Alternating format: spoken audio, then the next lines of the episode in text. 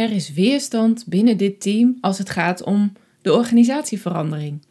Of deze begeleider schiet in de weerstand als het gaat om nieuwe taken. Of deze cliënt heeft weerstand tegen het behandelplan. Dit zijn zinnen die ik regelmatig hoor van klanten.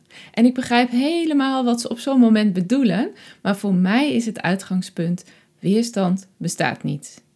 Hoe dat zit, daar vertel ik je over in deze podcast.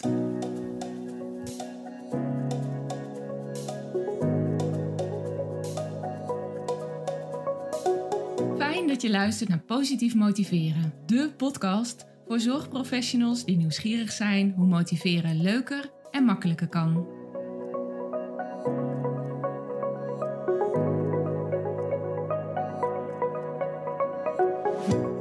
Mijn naam is Marielle Tromp en in deze podcast wil ik jou inspireren met verhalen, inzichten en tips die jij kunt gebruiken om meer resultaat, plezier en voldoening uit je werk te halen.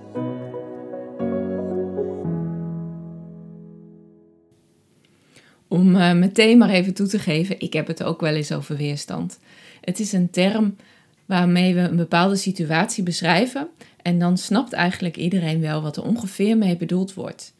Uh, er is veel weerstand binnen het team of hij zit in de weerstand.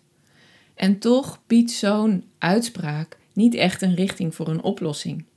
Want het klinkt alsof er iets aan de hand is met die ander, met die cliënt die dus weerstand heeft tegen het behandelplan, of met dat team als het gaat om die verandering, of met die begeleider. Het lijkt of het bij die ander zit. En dat is volgens mij niet zo. Het probleem ligt niet bij die ander. Het probleem ligt trouwens ook niet bij jou. Het is geen onderdeel van die ander, maar het is ook geen onderdeel van jou als degene die de ander wil motiveren.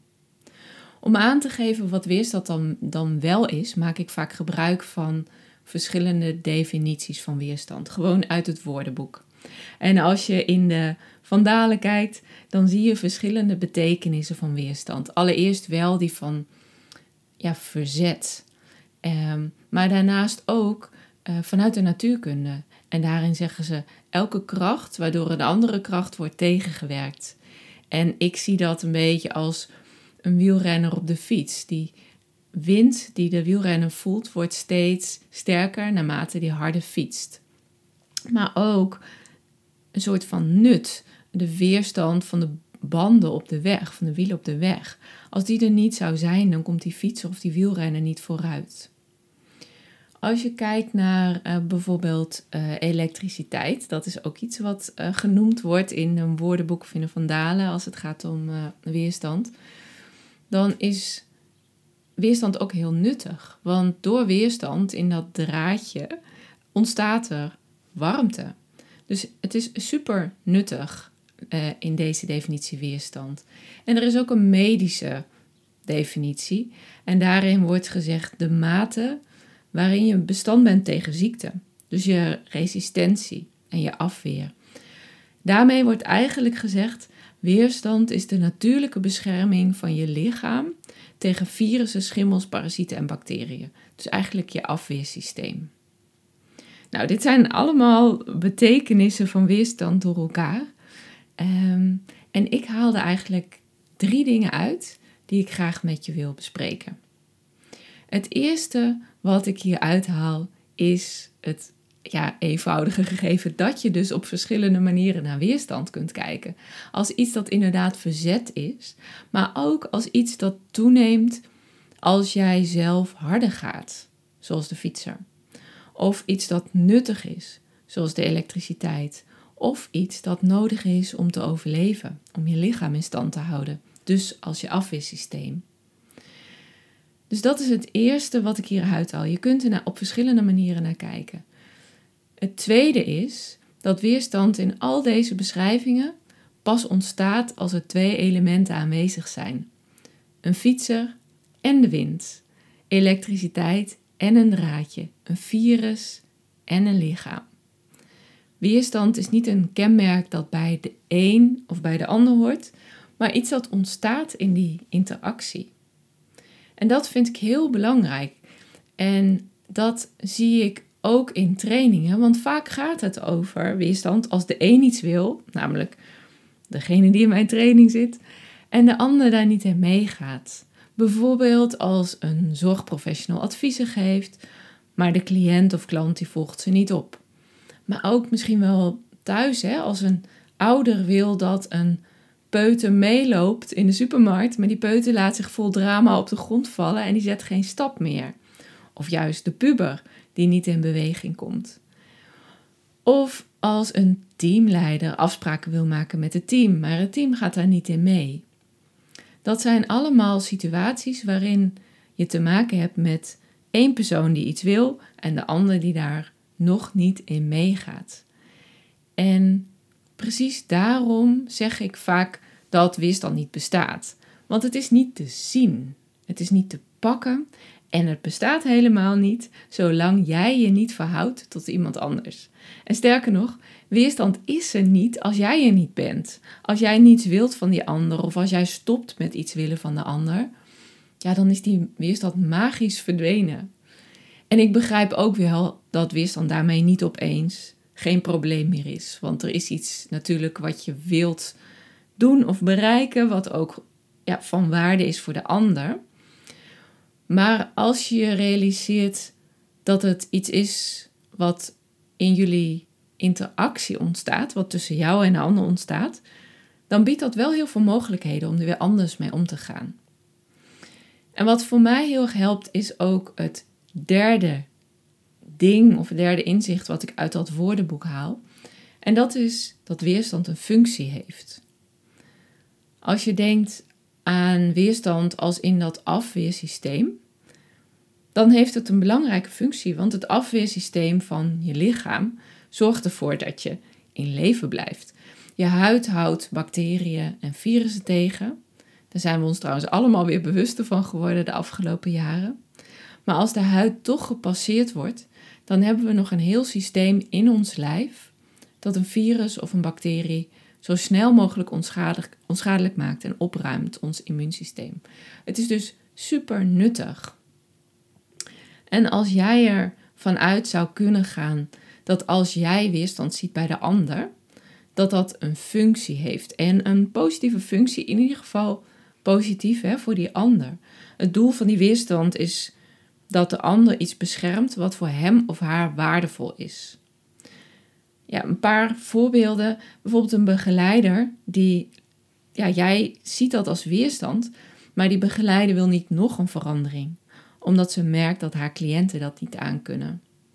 Of misschien een cliënt die wil niet aan de slag met een behandelplan, omdat er andere dingen zijn die hij dan moet opgeven. Misschien waarden en overtuigingen die voor hem belangrijk zijn. Overigens is dat ook heel vaak onbewust. Of juist een team dat niet mee wil in een verandering, omdat er, en dat is ook weer bewust, maar vaker onbewust, dat er nog iets anders speelt dat nog niet opgelost is en dat nog aandacht nodig heeft. Voor jou is weerstand dan dus een signaal dat er nog iets anders te doen is, dat je ergens anders aandacht moet, aan moet besteden. Dus in samenvatting zijn die drie dingen die ik uit die verschillende betekenissen haal, zijn als eerste, je kan er gewoon op verschillende manieren naar kijken, naar weerstand. Als tweede, weerstand ontstaat in de interactie tussen twee elementen of twee mensen en is niet onderdeel van een van beide. En een derde is, weerstand heeft een nut, een nut voor de ander. Dus een positief, ja, het is een positief iets voor de ander, ook al zie jij dat misschien nog niet. Nou, dit klinkt allemaal misschien best wel abstract en daarom deel ik graag één uh, van de manieren met je waarmee je ervoor kunt zorgen dat er niet te veel weerstand ontstaat. Uh, er zijn verschillende manieren waarop je ernaar kan kijken, maar het meest praktisch is om er rekening mee te houden dat je niet te snel gaat. Zoals je veel meer wind voelt als je hard fietst, zo ontstaat er ook veel meer weerstand als jij te snel gaat.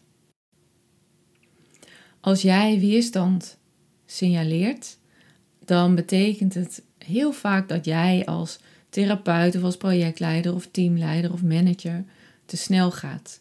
Er is helemaal geen sprake van dat een ander niet wil veranderen. Het is dan alleen wel zo dat hij nog niet zo ver is. De ander zit in een heel andere fase van gedragsverandering. Heel vaak zie ik dat een team of een cliënt best wel wil veranderen, maar nog in de overwegen fase zit. Terwijl jij misschien al allerlei acties inzet die gericht zijn op de actiefase. Dat is twee stappen verder, twee fasen verder. En gegarandeerd zorgt dat dan voor afweer, voor een gevoel van weerstand. Dus doe een stapje terug. Ga iets minder snel. Nou, dit is maar één uh, manier. Je kan dat op verschillende manieren bekijken, maar ik denk dat het aanpassen van je snelheid in heel veel gevallen al zorgt voor veel minder weerstand. Ik hoop dat uh, deze podcast over weerstand jou een andere blik geeft op dat thema. En dat je het misschien ook realiseert dat weerstand een belangrijke informatiebron kan zijn voor jou. Want het geeft je eigenlijk handvatten over wat je hebt te doen om het veel effectiever te maken. Wil jij meer weten over die fase van gedragsverandering die ik net noemde, dan kan je kijken op www.fasevangedragsverandering.nl. En denk je, eigenlijk wil ik ook wel eens een workshop volgen over positief motiveren? Kijk dan eens op www.positiefmotiveren.nl. Want van daaruit klik je heel eenvoudig door naar een kennismakingsworkshop, die overigens net online staat. En dat is een workshop waar je dus online direct mee kunt starten. En het leuke is, ben jij toevallig logopedist of oefentherapeut of ergotherapeut of diëtist of fysiotherapeut, dan is deze workshop voor, je, voor jou zelfs geaccrediteerd met drie punten. Misschien zie ik je daar en graag tot een volgende keer. Tot slot nog even dit. Ik vind het bijzonder dat je luisterde en dat ik even met je mee mocht vandaag. Dank je wel.